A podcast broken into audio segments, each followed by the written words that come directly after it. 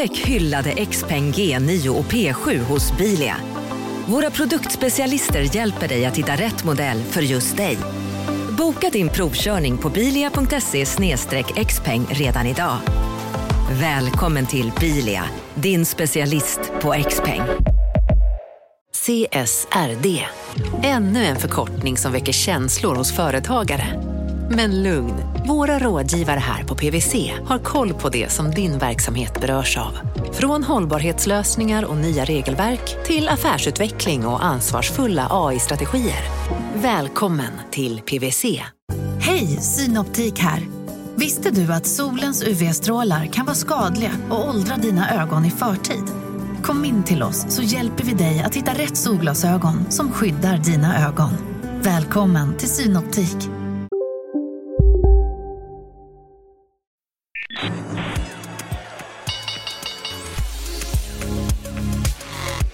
Här är Affärsvärlden med Helene Rådstein. Hej och hjärtligt välkommen till podden Affärsvärlden där vi varje torsdag fördjupar oss i affärsvärldens journalistik. Jag heter Helene Rådstein och jag är redaktör på Affärsvärlden. Och idag så ska vi prata om ögonstyrning, så kallad eye tracking. Och jag sitter här med Tobis vd Henrik Eskilsson. Sist vi sågs faktiskt så var det på ert kontor i Palo Alto. Har ni kvar kontoret där? Mm. Vi har kvar eh, kontor i eh, Silicon Valley och vi håller på att växa det kontoret också för fullt. Kan du liksom ta oss dit visuellt? Ja, nej men eh, Silicon Valley det är ju teknikvärldens epicentrum på många sätt och vis. Och det sträcker sig egentligen från San Francisco upp i norr och sen så ner längs hela det som kallas för The Peninsula ner till San Jose. Och hela det området däremellan, där har du i princip hela jordens alla techbolag, många med huvudkontor och har de inte huvudkontor där, då har de åtminstone filialer där alla techbolag i hela världen har ju en närvaro i Silicon Valley. Nästan alla. Ledde det till någonting? Ja. Nya affärer? Kan du säga något exempel? En del av de diskussionerna är kanske lite känsliga då. Det är kul med känsliga grejer. Ja, visst är det. Mm. Men eh, några av de som kanske är lite publika i alla fall så har vi ju kommit allt närmare med aktörer som Intel och Qualcomm och Microsoft till exempel.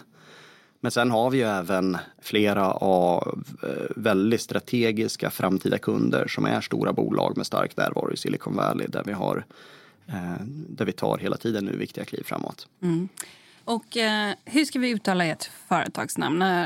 Det är inte Tobii? Det är inte Tobii och det är inte To Be heller utan det är Tobii. Tobii. Tobii. Och vi säger, ni är tre grundare från början? Vi är tre stycken grundare i ja. bolaget. Det är jag och så är det John Elvesjö och Mårten Skoga. Vi startade ju Tobii 2001, så det är ungefär 18 år sedan. Mm. Var det John som kontaktade dig från början? Ja, alltså ursprunget är... John är ju egentligen den som kom på hela idén till eye tracking och Tobii från första början. Han eh, pluggade ju eh, teknisk fysik och jobbade som labbingenjör på kemiinstitutionen på KTH. Och jobbade då en del med bildbehandling, alltså jobbade med kameror och bildbehandlingsmjukvara och sådär. Och i den processen så råkade han komma på att man kunde göra eye tracking.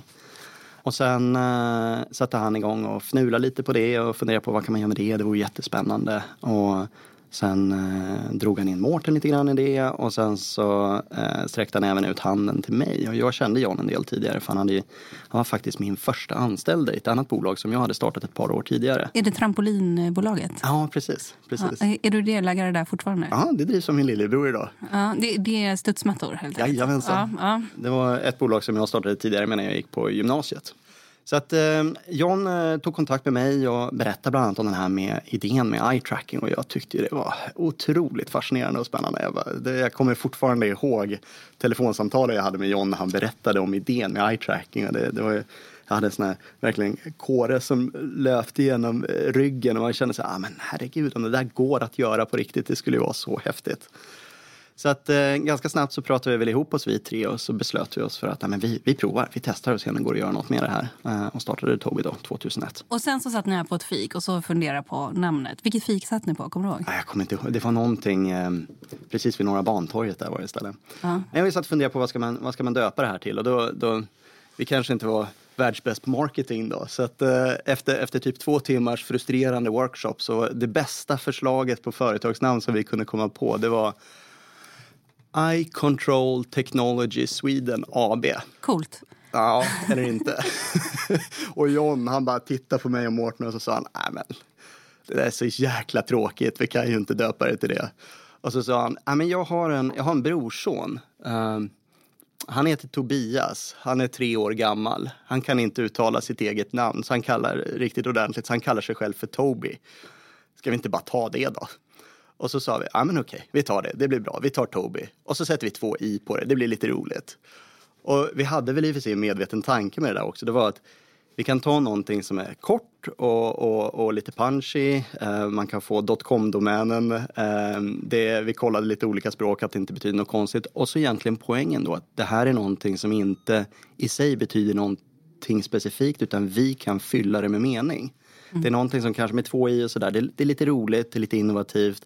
Men vi kan skapa den mening och betydelse som vi vill att det här brandet ska ha då egentligen. Mm.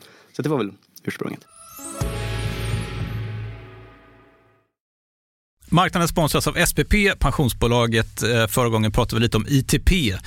Och som en kort repetition så, så var det ju 70-tal, arbetsmarknadens parter bestämde att alla tjänstemän ska ha en tjänstepension. Man kom överens om vilka villkor som ska gälla i den här pensionen och så kallade man den för ITP. Så jobbar man idag som tjänsteman i ett företag med kollektivavtal, då har man förmodligen den här pensionen, ITP-pensionen. Eh, och det är ju så att man kan påverka eh, den här pensionen, hur den är placerad. Vart femte år så gör nämligen Collectum, som de heter, en enorm upphandling där olika pensionsbolag kan ansöka om att få förvalta eh, de här pensionerna. Och SPP är ett av bolagen som valdes ut i den senaste upphandlingen. Och sen kan du som pensionssparare välja eh, vilket av de här olika pensionsbolagen som, som då ska få ta hand om dina pengar. Och tanken med den här upphandlingen det är ju att liksom kvalitetssäkra de här olika alternativen eh, men också att förhandla fram stora rabatter så att pensionsspararna ska få, ja, kunna spara pengar genom att avgifterna eh, som är så viktiga eh, blir eh, lägre. Och vill man välja någonting i ITP-systemet då finns det en relativt ny sajt som heter avtalat.se. Ehm, där kan man gå in och se hur sin ITP-pension är placerad. Jag gjorde det häromdagen faktiskt. Ehm, idén är att hälften av pengarna alltid ligger i något som kallas för traditionell försäkring. Det här gjorde vi ett avsnitt om i podden Kapitalet nyligen eh, som vi kallade världens bästa sparform.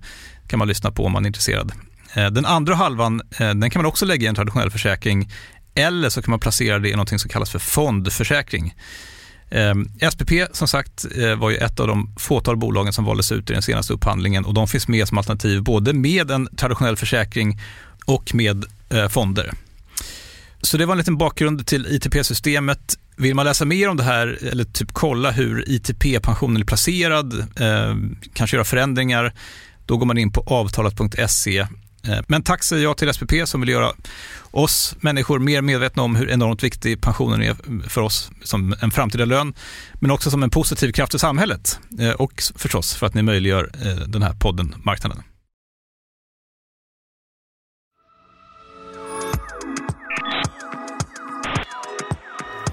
Det är tre affärsområden. Mm. Vi har ju tre stycken eh, starka, jättefina affärsområden i Tobii idag. Tobii Dynavox som är försäljningsmässigt vårt största affärsområde som är världsledande på kommunikationshjälpmedel. Så att våra produkter och lösningar inom Tobii Dynavox hjälper personer, ofta med kraftiga handikapp, att kommunicera, att kunna prata eller att kunna styra och interagera med datorer. Genom att de tittar på en skärm, mm. kan man säga, eller hur? Uh, vi har produkter, de uh, största delen av försäljningen är baserad på produkter som är ögonstyrda, alltså ögonstyrda datorer. Så att genom att bara titta på datorskärmen så kan man till exempel skriva bara genom att titta på bokstäverna på ett tangentbord på skärmen. Eller man kan kommunicera genom att titta på olika symboler och man kan också styra hela datorn och styra muspekaren och sådär med hjälp av ögonen. Så det är ett helt fantastiskt område på så sätt. Och många personer som använder idag en ögonstyrd dator de går från en verklighet där de har inte kunnat kommunicera eller prata överhuvudtaget och helt plötsligt kan man man kan kommunicera, man kan prata med, med, med sina barn, med sina föräldrar eller med sina syskon. Man kan, man kan leka och spela och göra saker. Man kan gå i skolan, man kan till och med jobba produktivt och realisera sig själv på massor av olika sätt. Så det är ett helt fantastiskt område att jobba med. Sen har vi inom det här området också en ganska stor del av vår försäljning idag som är baserad på andra typer av kommunikationshjälpmedel som inte är ögonstyrda. Så att över tid i takt med att när affären har mognat så har vi breddat erbjudandet och produktportföljen. Så att idag har vi även något som vi kallar för pekskärmsbaserade kommunikationshjälpmedel som är egentligen då olika typer av tabletatorer som man kan styra med händerna istället för med ögonen.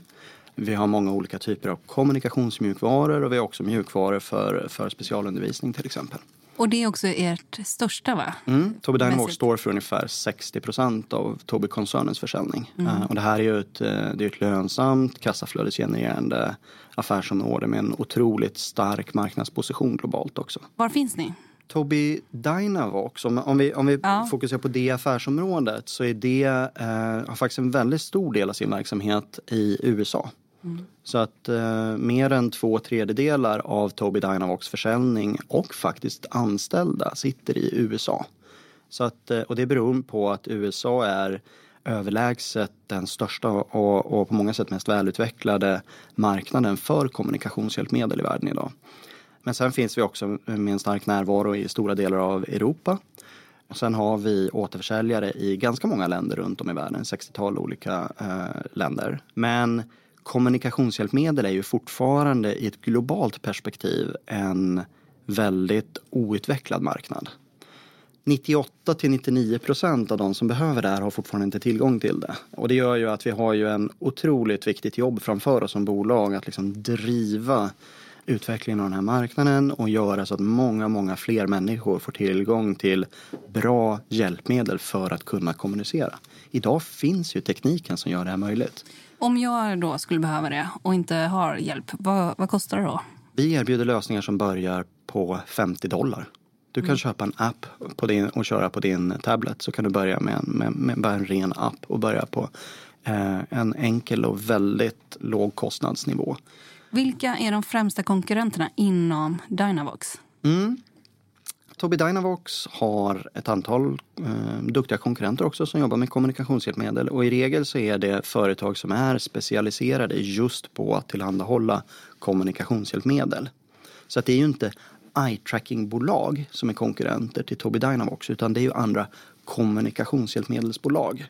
Den största konkurrenten enskilt är ett amerikanskt bolag som heter Pranky Romish Company, eller PRC. Eh, Och Tobii Dynavox är ungefär dubbelt så stor som PRC. Försäljningsmässigt? Försäljningsmässigt och även i antal anställda och sådär. Och utanför USA, finns det någon annan så stor konkurrent?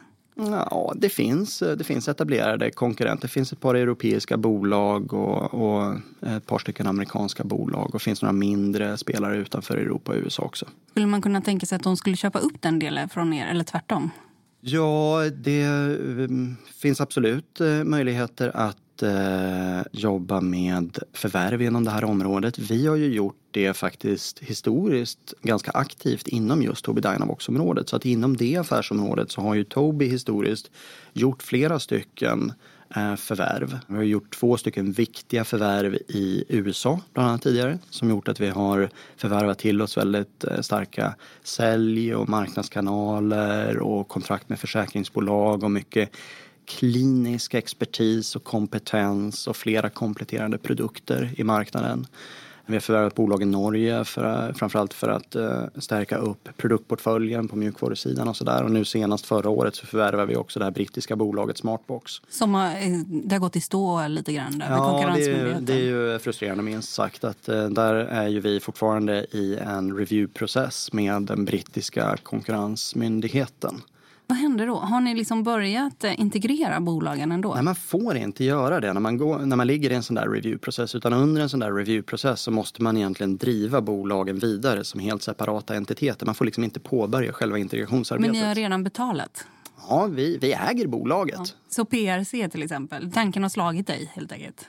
Just eh, huruvida PRC skulle vara liksom en, en lämplig förvärvskandidat eller inte, det, det uttalar jag mig inte om specifikt. Men däremot så eh, finns det in, för Tobii Dynavox eh, och även fortsatt inom kommunikationshjälpmedelsområdet så finns det eh, en väldigt viktig del i vår strategi generellt framåt är ju säljexpansion.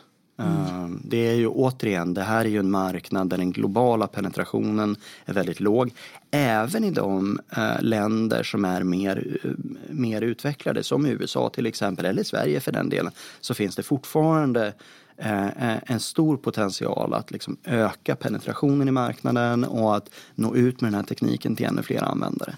Så att säljexpansion är ett generellt tema i vår strategi och det är ju någonting som framåt vi eh, kommer jobba med både organiskt men vi ser även möjligheter också framöver att fortsätta att jobba aktivt med förvärv som en del av den säljexpansionsstrategin. Och eh, inom eh, Tobii Dynavox kan man tänka också att ni kommer utveckla ytterligare ett ben då inom kommunikationshjälpmedel?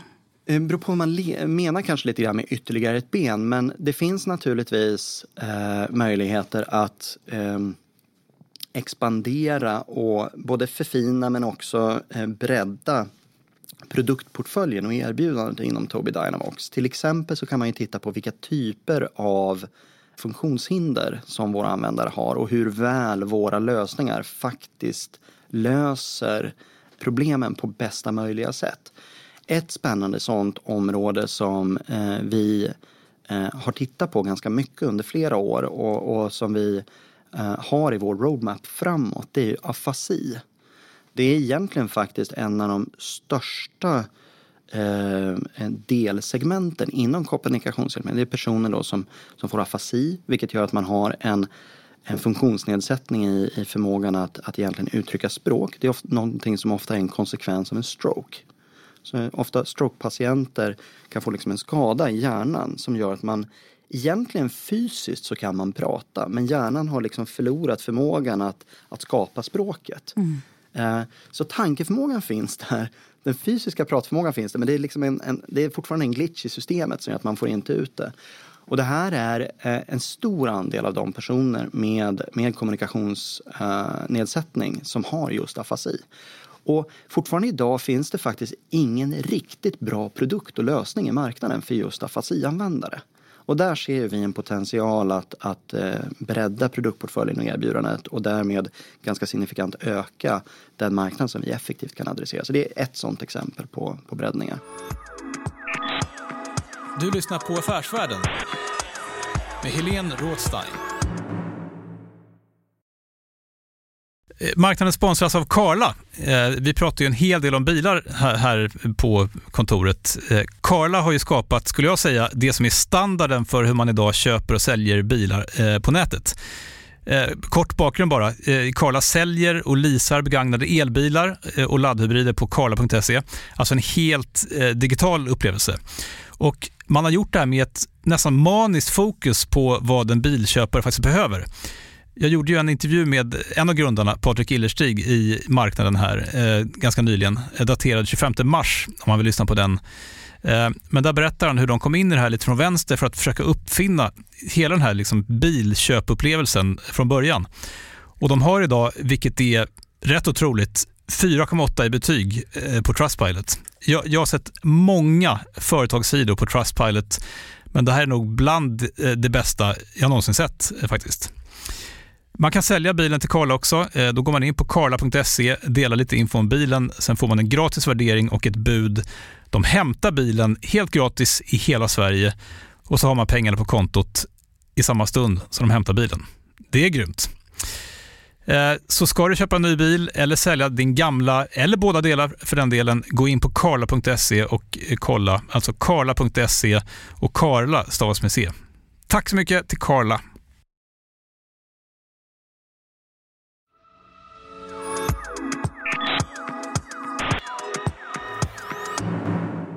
Då går vidare till Tobii Pro, kan du berätta lite vad mm. ni? Tobii Pro är eh, också en fantastiskt fin och spännande verksamhet eh, med massor av spännande potential. Tobii Pro är ju världsledande på eye-tracking-lösningar för att förstå beteende.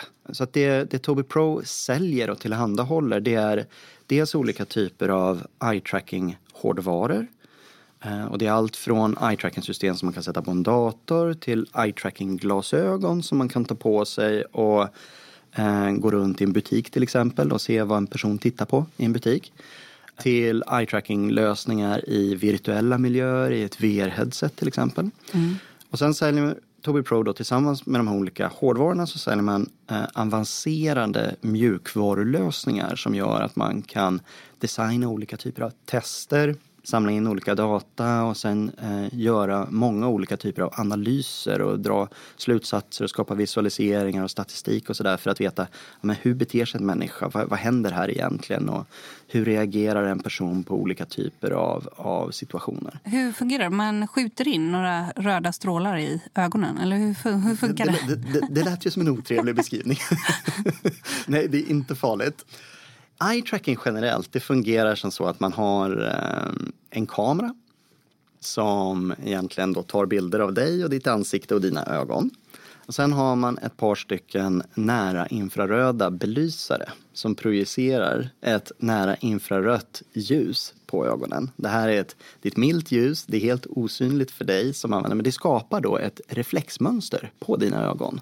Och de här kamerorna de tar då bilderna på ditt ansikte, dina ögon och de här reflexmönstren. Och utifrån att väldigt, väldigt exakt kunna mäta då hur dina ögon rör sig relativt de här reflexmönstren i kamerabilden så kan man räkna ut var du tittar. Till exempel på en datorskärm eller om man har ett par sådana eye tracking glasögon i den fysiska världen. Mm. Ni hade någon nyhet här med SJ. Ja. jag pratade med en kille, det är möjligt att vi kommer spela in honom senare. Och då så berättade han ungefär så här.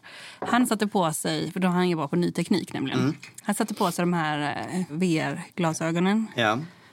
Och så skulle han vara SJ, han jobbade på SJ. Så liksom hur går det till när man tömmer ett tåg? Är alla dörrar stängda? Och, så där. och sen så gjorde han ett test. Och då så såg han att det var en dörr han hade missat då i döda vinkeln. Liksom enligt det här testet då. Det var en SJ-personaltest. Sådär. Och det, det är ett användningsområde, till exempel ett bolag som ska se hur gör personalen i vissa situationer. kan mm. man säga. Men det är också, om jag förstår det rätt, så är det också om jag har en hemsida och ska, ska sälja någonting. Var tittar folk på hemsidan? Kommer in i en butik, ska jag flytta någonting här på hyllorna? Mm. Eh, är allting rätt placerat utifrån beteende? Så kan man säga. Mm. Ja. Vilka är de största kunderna här? Alla de exempel du räknar upp är jättebra exempel på typer av, av användningsområden för just Tobii Pros lösningar för att förstå beteende. Eh, vi pratar ofta om tre stycken eh, huvudsegment inom Tobii Pro. Dels eh, pratar vi om scientific research där olika eh, akademiska forskare och universitet använder eye tracking inom en, en stor mängd olika forskningsområden.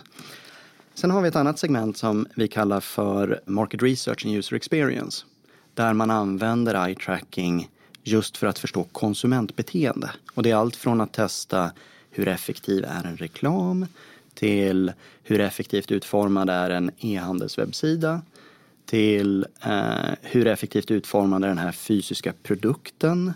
Och här har vi ju många stora ledande företag. Dels eh, konsumentvaruföretag, alltså bolag som Unilever som är en av våra största kunder. Procter Gamble också jättestor kund.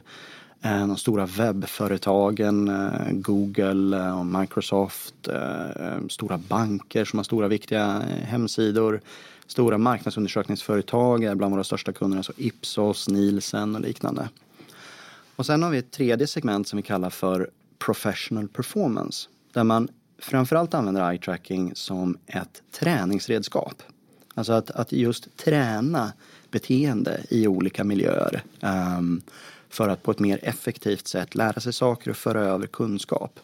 Och där har vi eh, stora kunder i allt från tung produktionsindustri eh, i liksom hur man tränar operatörer i olika industriella processer, också processindustrier, men också inom till exempel just eh, olika typer av fordon, alltså tåg, flyg, Eh, även sjukhusmiljöer till exempel eh, och även inom sport med olika typer av professionella atleter som kan använda eye tracking för att träna eh, performance i olika applikationer. Du, jag tänker integritetsmässigt med mm. det här att kartlägga beteenden. Mm. Du tar de här stora bolagen och så hjälper du dem att leta sig in i konsumenters innersta. Mm. Hur ser du på det? Vi tycker den här frågan är faktiskt väldigt, väldigt viktig. Och den blir ännu mer viktig i takt med att eye tracking som teknik eh, gradvis når ut allt bredare ut i konsumentelektronik och massmarknadsapplikationer på olika sätt och vis. Så att Tobii tar idag en väldigt proaktiv eh, approach till hela integritetsfrågan kopplat till eye tracking. Och vi tror att det här är faktiskt helt avgörande för att eye tracking kommer att lyckas och bli framgångsrikt i riktigt stor skala på lång sikt. Att, att vi som konsumenter känner oss bekväma och tycker att det här är en bra teknik som är positiv och bra för oss som konsumenter och jag trivs med det här. Och en viktig del i det, det är eh, den här grundläggande principen att du som konsument och, och slutanvändare, du ska alltid kunna vara säker på att ingen spelar in ditt eye-tracking-data och använder ditt eye-tracking information om vad du tittar på utan att du explicit har sagt att du tycker det är bra. Är det ett krav ni ställer när ja. ni säljer? Ja, det är ett stenhårt krav som vi ställer på alla våra mjukvarupartners som utvecklar applikationer på vår teknik. När börjar ni ställa det kravet? Vi har väl gjort det säg kanske de senaste två åren, men vi håller precis nu faktiskt på att verkligen standardisera och rullar ut så att vi får ett enhetligt format för exakt hur det här ska se ut och hur det ska fungera så vi får liksom en konsekvens i användarupplevelsen kopplat till det här. Men det är också någonting som vi driver väldigt aktivt i dialog också med liksom stora globala partners. När vi integrerar vår eye tracking teknik i andra företagsprodukter och liknande. Att vi liksom får med de här systemen. Så till exempel när vi jobbar med HTC inom VR. Att vi får HTC att ställa likartade krav på sina mjukvaruutvecklingspartners och liknande. Så det är en ganska stor ansträngning att få en hel, egentligen en hel bransch och industri att anamma ett sätt att se just på integritetsfrågorna. För vad är det värsta som kan hända här? Det värsta som kan hända är ju att konsumenter säger nej, jag tycker inte, jag vill inte ha en eye tracker i min dator det känns inte trevligt. Eh, det vore ju det värsta och det, det, skulle vi tycka var otroligt tråkigt för det finns ju så otroligt mycket spännande och positiva tillämpningar och applikationer av eye tracking. Både för att göra en användarupplevelse i min dator som är mycket mer eh, naturlig, intuitiv, trevlig, rolig, immersiv. Men det är också som så att det, om man tittar på den här analytiska sidan av eye tracking så finns det ju jättemånga positiva applikationer. Att kunna diagnostisera hälsa, ergonomi och skapa många spännande värden baserat på det också. Vad tänker ni om eh, stater? till exempel? Om man tar en sån stat som Kina till exempel. Vi var där i Peking för ett tag sedan och kollade på lite kameraövervakningsbolag och sådär som fanns och som liksom låg verkligen i framkant. Och här samlas alla människor och här ser vi en person då, för det är kameror överallt som går lite kors och tvärs, som inte går som man borde gå liksom här. Och då kan man fånga, fånga upp det där. Liksom. Men vad, vad det gäller eye tracking, hur ser ni på det med stater som ja, saknar demokrati eller sådär? Liksom, har ni några policies? Om man tittar just på den här integritetsfrågan så för mig är den, den är universell. Det spelar ingen roll om det är en stat eller ett företag som, som använder tekniken. Ur vårt perspektiv, eh, använder du Tobis teknik eh, då, då ska du inte, då får du inte spara information om vad du tittar på utan att explicit berätta för slutanvändaren att du gör det och be om tillåtelse. Vad händer, vad händer om någon gör det? Då bryter vi licensavtalet. Har det hänt? Eh, ja. Vad händer då? Eh, vi har kunder som, inte kanske explicit i just den dimensionen brutit, men vi har kunder som har brutit mot licensavtal. Då har vi sagt det till dem och då har de i regel rättat upp sig mm. och gjort rätt. Mm. Alltså det är ju inte som så att vi får pushback per se på det här utan alla tycker att ja, men det är klart det är så det där det ska fungera. Men om man tittar på flera, till exempel om man tar så här kasinobolag till exempel. De är ju ganska duktiga på eh, liksom psy psykologiskt beteende. Och det kan man ju säga, det är ju bra att folk har roligt och sådär. Men det kan ju också finnas en viss gräns. Liksom att, eh, om du, med eye tracking till exempel. Eh, har ni några kasinobolag till exempel som kunder? Ja. Hur tänker du med det till exempel? Så här ska du spela så mycket du kan. Ja, det är lite svårt för oss som teknikleverantör att i alla lägen veta exakt vad våra kunder gör med tekniken och vad de använder det till. Jag tycker att det är viktigt att vi tar en stark och proaktiv ställning och att vi tar ett ansvar där vi kan göra en stor impact och där det finns viktiga stora frågor att, att, att värna om. Och just integriteten är ju en jättesån stor fråga uh, där jag tycker att det är väldigt viktigt och där vi kan ha en impact. Så att det gäller ju universellt och det gäller ju även i till exempel då en kasinoapplikation. Även där så måste den applikationen explicit berätta för användaren. Ja men nu tänker jag spara en information här. Ja, nej, mm. är det okej? Okay? Mm. Sen får vi kanske också vara lite ödmjuka för att vi kan inte vara inne och pilla i varje applikation exakt vad de gör med det sen då. Mm. Och dessutom så kan man ju det finns ofta två sidor på myntet. Den här kasinoapplikationen, hälften av gångerna så kanske den faktiskt vill göra forskning på att förstå vad är det som driver ett spelberoende. För att faktiskt mitigera ett spelberoende också. Och säga att nej, men nu kanske du har spelat för mycket. Det finns ju lika ofta som den motsatta dimensionen. Mm. Och det kan nog inte vi se skillnad på. Du lyssnar på Affärsvärlden med Helene Rådstein.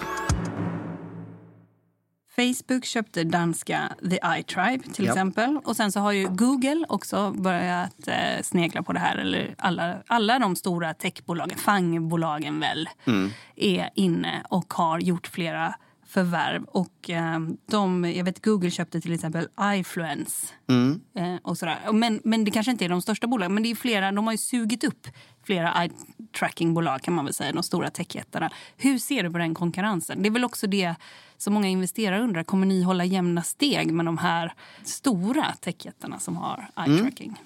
Och jag undrar om vi, om vi kanske ska Egentligen med det ska vi kanske nästan gå in i det tredje affärsområdet, Tobii Tech. Mm. För jag tror egentligen att den frågan hör egentligen snarare hemma där. Mm. Så om vi, om vi tar en liten kort beskrivning av Tobii Tech då. Så Tobii Tech är ju på många sätt vårt yngsta affärsområde. Där vi ju har under de senaste åren eh, gjort väldigt stora investeringar, fortsätter att göra stora investeringar för att utveckla teknik och att eh, bygga upp initiala marknader för Eh, att driva eye tracking in i stora volymapplikationer, framförallt i konsumentelektronik. Att integrera eye tracking in i PC-datorer, in i virtual reality headsets, in i augmented reality-glasögon i framtiden. Och där då Tobii Tech tar positionen av att vara teknikleverantör, att leverera själva grundteknologin för eye tracking. Själva sensorhårdvara och algoritmer och systemdesigner för eye tracking.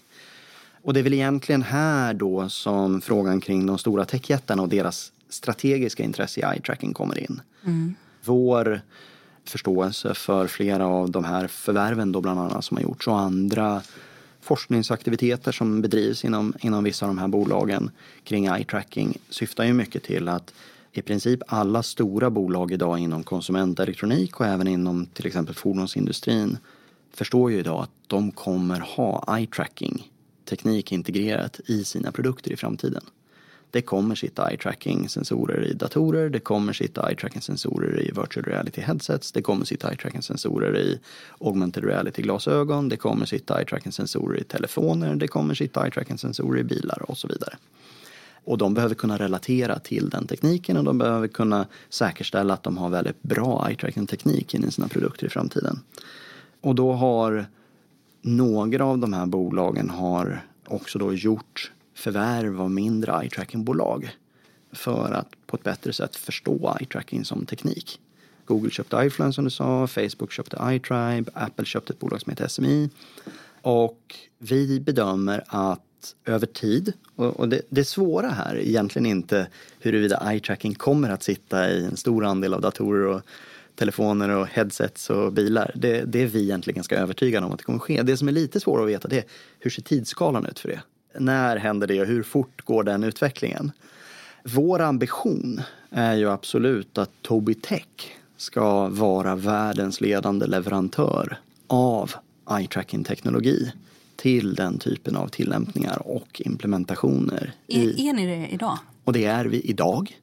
Dock så befinner sig marknaden fortfarande i ett oerhört tidigt skede eh, inom det här området. Vi har ju de första datorerna till exempel med integrerad eye tracking teknik finns ju i marknaden sedan ett fåtal år tillbaka, ett par år tillbaka. Vi ser ju precis nu, eh, nu, nu det här kvartalet så är ju de första riktiga VR-headsetsen med integrerad eye tracking teknik på väg ut i marknaden. HTC har ju börjar ju nu skeppa eh, sitt nya HTC Vive Pro Eye som är den första väsentliga VR-produkten med integrerad eye tracking. Er, er eye tracking? Ja, det är vår eye tracking teknik mm. i HTCs headset. Dell som ju är eh, en av de absolut största PC-tillverkarna eh, de har ju integrerat vår eye tracking teknik i sina speldatorer. En, en modell av sina speldatorer, Alienware 17, sedan ungefär två år tillbaka. Och de lanserade faktiskt igår ytterligare nu två datormodeller. Så att nu har ju de gått från att ha eye tracking i De har ju sitt premiumspel, eh, eh, gamingdatorer, så har ju de ett brand, premiumbrand som heter Alienware som är världens ledande eh, premium gaming brand. Där har ju de nu gått från att ha Tobii Eye Tracking integrerat i en av sina modeller till att ha Tobii Eye Tracking integrerat eh, i egentligen i hela sin produktflora för Alienware Gaming eh, Laptops. Så att ja, vi är världsledande idag. Tricket naturligtvis, det är ju att vara världsledande i takt eh, med att det här går från väldigt tidigt på adoptionskurvan till att det här har en hög penetration i massmarknad. Och det är ju också precis det som är bakgrunden och anledningen till att vi gör stora investeringar i Tobitech. Det är ju för att säkerställa att vi har den absolut världsledande teknologin. Att vi har bäst eye tracking teknologi. Och då handlar det inte nödvändigtvis om att ha liksom Ferrari-liknande prestanda, att den ska vara bäst på det sättet. Utan det handlar om att tekniken ska vara tillförlitlig så den fungerar på alla konsumenter.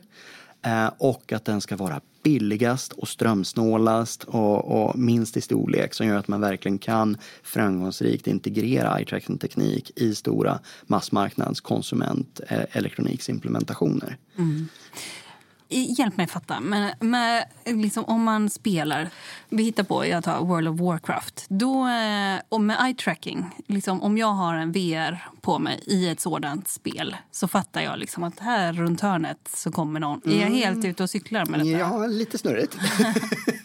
jag ska prova att hjälpa och, och, och disentangla lite grann. Uh, vi skulle kunna börja med att prata lite grann om VR. Uh. Tittar man på eye tracking i VR det är ju virtual reality. Jag, jag tar på mig ett sånt här VR-headset och då, då sitter ja. jag im, im, immersivt i den här VR-världen.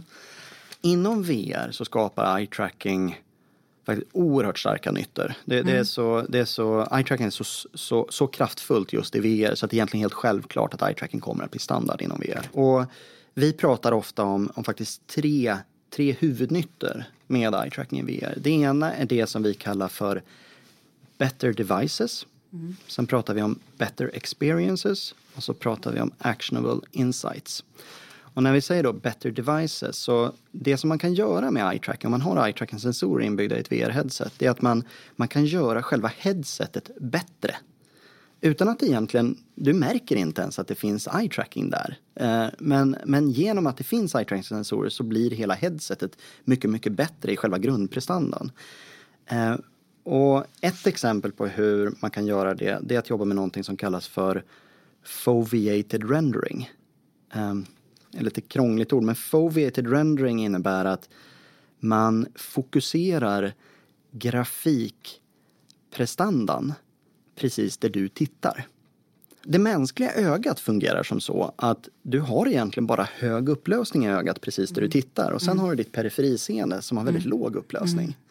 Eh, man tänker ofta inte på det som människa, men, men det är så ögat funkar. Du har en liten, liten koncentrerad del där du liksom pekar ögat, du har hög upplösning och sen har du periferisinne med väldigt låg upplösning. Och det gör att egentligen så är det helt onödigt i det här VR-headsetet, så är det helt onödigt att skapa bra högupplöst grafik i hela ditt synfält, för du kommer inte se det ändå. Du ser ju faktiskt bara högupplöst grafik precis där du tittar. Mm. Resten är jättesuddigt. Mm. Så att genom att då mäta vad du tittar och så, och så skapar man bara högupplöst grafik precis där du tittar och så skapar man lågupplöst grafik där du inte tittar. Mm. Så kan man ju göra, för dig som användare, du märker inte ens det. Det ser mm. ut precis som vanligt. Du ser bara högupplöst överallt, mm. för det, det, känns så. Mm. Men du sparar jättemycket grafikrenderingskapacitet, vilket gör framförallt ett VR-headset när du har väldigt mycket grafik som du ska skapa så kan du, eh, du kan använda mycket billigare grafikkort, mycket billigare dator eller du kan skapa ett headset med mycket mer högupplöst grafik eller du kan skapa ett headset som inte behöver ens vara kopplat till en dator utan du kan köra ett mobilt headset där du har liksom en mobil eh, Qualcomm-processor i headsetet och så slipper du alla sladdar och prylar och doningar och sådär och skapar en mycket enklare VR-upplevelse. Så det, det är en revolution inom VR som förutsätter att du har eye tracking i grund och botten. Sen har du nästa bit då, som är det vi kallar för better experience. Och det är ju att när du bygger in eye tracking i ett headset så kan du skapa en interaktion med den här virtuella miljön som blir mycket mer naturlig och intuitiv. Har du inte eye tracking i VR, då har du en sån här handkontroll som du måste liksom peka med hela armen och handen och, och för att välja ett objekt eller någonting. Kör du med eye tracking istället, då, då räcker det att du, du kan titta på ett objekt och så trycker du på en knapp på din handkontroll eller du swipar lite grann för att, med, med, med, med, med fingret på en handkontroll och då skickas liksom det kommandot dit till det objekt du tittar på. Mm. Och det där blir, det är nästan magiskt hur intuitivt det där blir i interaktionen. Eh, många personer som testar det här första gången i VR eh, och liksom kört klassisk interaktion i VR och sen så kommer man och kör med eye tracking. De säger att ah, men det, här, det här är som ett iPhone moment. Första gången man körde en iPhone med, med touchskärm och man bara känner men det är ju så här det ska funka. Mm. Så får man liksom samma upplevelse i, i VR. Mm. Ja, jag säger tack så mycket för att du kom hit ja, till podden Affärsvärlden. Det var jätteroligt att få vara här idag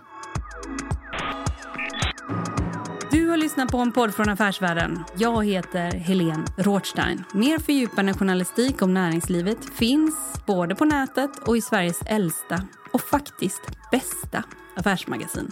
Du hittar oss enklast på affärsvärlden.se och podden, den är tillbaka om en vecka. Håll ut!